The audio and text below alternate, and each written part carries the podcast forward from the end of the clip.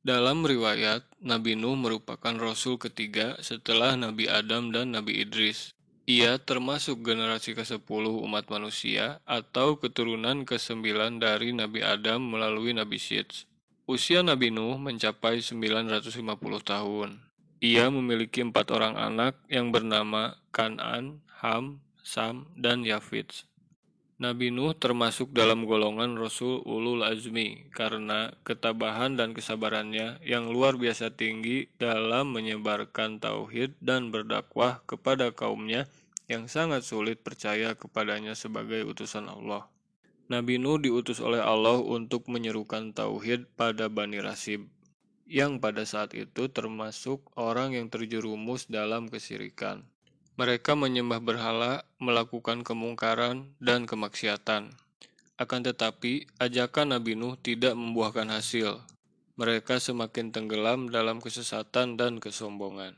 Singkat cerita, tantangan berdakwah Nabi Nuh semakin berat. Hingga akhirnya Allah memerintahkan Nabi Nuh untuk membuat bahtera atau kapal yang sangat besar. Hal ini dijelaskan dalam Al-Quran surat Yunus ayat 73. Lalu mereka mendustakan Nuh. Maka kami selamatkan dia dan orang-orang yang bersamanya di dalam bahtera. Dan kami jadikan mereka itu khalifah, dan kami tenggelamkan orang-orang yang mendustakan ayat-ayat kami. Maka perhatikanlah bagaimana kesudahan orang-orang yang diberi peringatan itu. Nabi Nuh mengumpulkan pengikutnya dan bahu-membahu untuk membuat bahtera dari kayu sepanjang hari dalam beberapa tahun.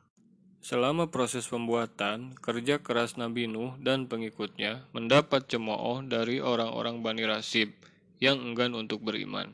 Setelah bahtera selesai dibuat dan tanda banjir besar bakal datang, Nabi Nuh memerintahkan pengikutnya untuk naik ke kapal. Tak lama kemudian, langit semakin mendung, hujan pun turun dengan lebat, disertai dengan kilat dan angin kencang.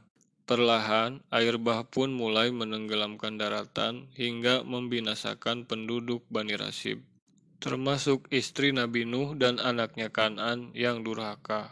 Wallahu a'lam.